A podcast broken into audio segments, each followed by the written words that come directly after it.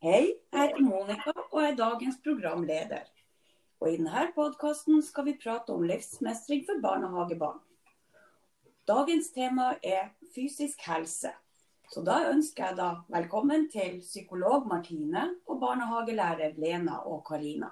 Velkommen skal dere være. Takk for det. Forskning viser jo at det er tydelige sammenhenger mellom fysisk og psykisk helse. Og fysisk helse er viktig for at man skal ha det bra.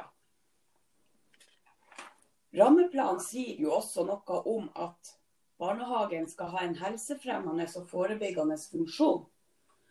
Og at barnas fysiske og psykiske helse skal fremmes. Og barna skal òg ha mulighet for ro og hvile og avslapping i løpet av dagen. Barnehagen skal også være en arena for fysisk aktivitet og fremme bevegelsesglede og motorisk utvikling. Og Måltidene i barnehagen skal gi barna et grunnlag for å utvikle matglede og sunne helsevaner. Så da tenker vi slipp til eh, barnehagelærer Lena. Hei, hei. Du fortelle våre lyttere litt om hva motorikk er for noe? Ja, motorikk det handler om alt som har med bevegelse å gjøre. Eh, vi har gromotorisk, og vi har, har finmotorisk. Gromotorisk det handler om da vi bruker kroppen til som krabbe, gå, hoppe, klatre, kaste ball osv. Finmotorikken det er mer hvor vi bruker hendene, sånn som gripe, ta, ta i ting, spise, spise med skje, drikke av kopp, ja osv. Så sånn kort forklart. OK. Men uh hva kan man da gjøre i barnehagene for å eh, få til det her? Eh, vi kan eh, plassere ting og leker et stykke fra dem i hylle, og det, det oppfordrer ungene til å bevege på seg. Og så kan vi få dem til å, for å øve på finmotorikken. Da har vi jo måltidene. Der er en stor mulighet for å få øve på det med å spise med skje og trikke av kopp og bære fatet bort og alt sånne ting. Og så har vi da med tegning og maling. Da får de øve på grep, grepet. Også det her å perle med små perler, putte dem på perlebrett. Det er kjempebra for den finmotoriske utviklinga. Ja, men hva kan barnehagen da gjøre for å uh, la barna utvikle seg med den grovmotoriske, da? Det er jo sånn som gå turer, hvor de får et ujevnt uh, underlag. Ja. Kaste, ja, kaste ball, ha ballspill, ha hinderløype. Ja. Sånne ting. Ja. Men eh, Karina, ja. kan du da si kanskje litt om hva kosthold og måltidene i barnehagen har å si for barns utvikling? Ja, det skal jeg gledelig gjøre kostholdet det betyr jo eh, mye for utviklinga. Og eh, barna sin kapasitet for læring påvirkes jo nettopp av det de spiser. Eh, variert kosthold er jo viktig for læringsevne og utviklinga. Og det kan jo få veldig uheldige konsekvenser om kostholdet blir ensforma. Kostholdet er jo veldig gunstig for konsentrasjon, yten, humøret, tannhelse og hjernestatusen vår. Og det er jo også sammenheng mellom det vi spiser og, og hvordan atferd eh, barna får. Hvordan de oppfatter ting, hvordan de lager informasjon og hvordan de bearbeider det de opplever.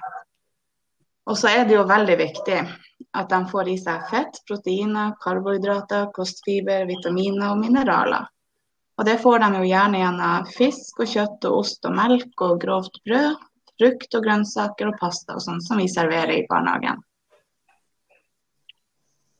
Så er det jo sånn at måltidet er jo en veldig fin stund som vi har i lag da, for det er sosiale samspill og læringa.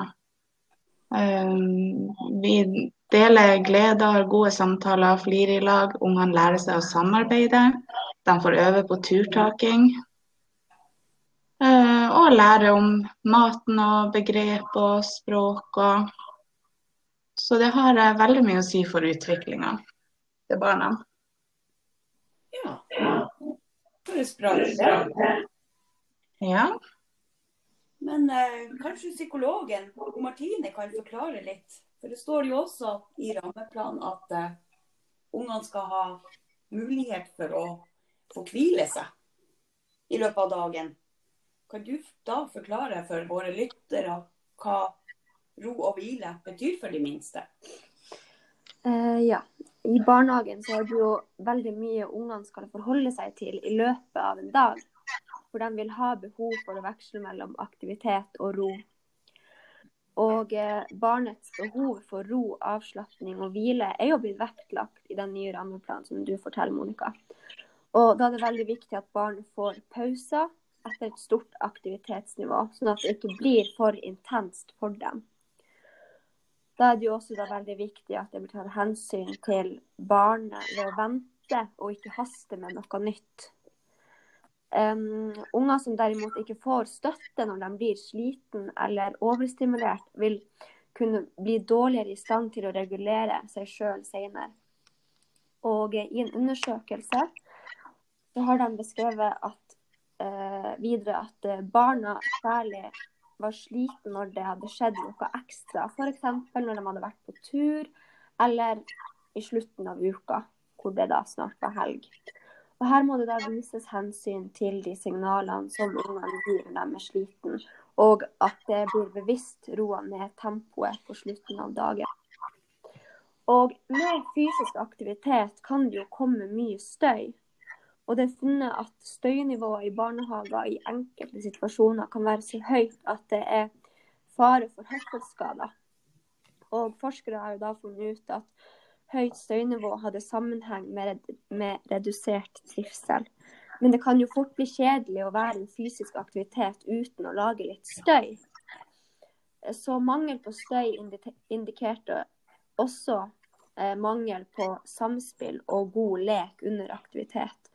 Så det er jo da veldig viktig å finne en mellomting med aktivitet, det som følger med det.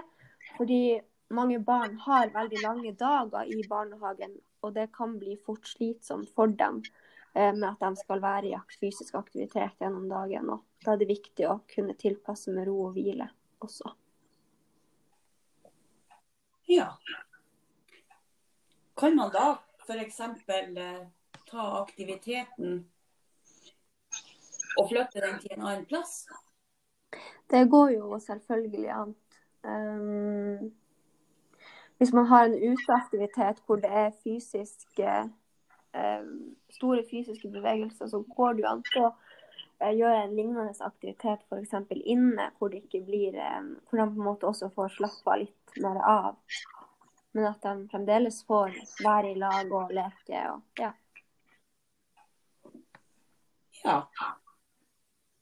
Men eh, da gjenstår det jo bare å takke for at dere møtte her i dag. Ja. ja. Takk for, og takk for god informasjon. Ha det bra. Ha det. Ha det. Ha det.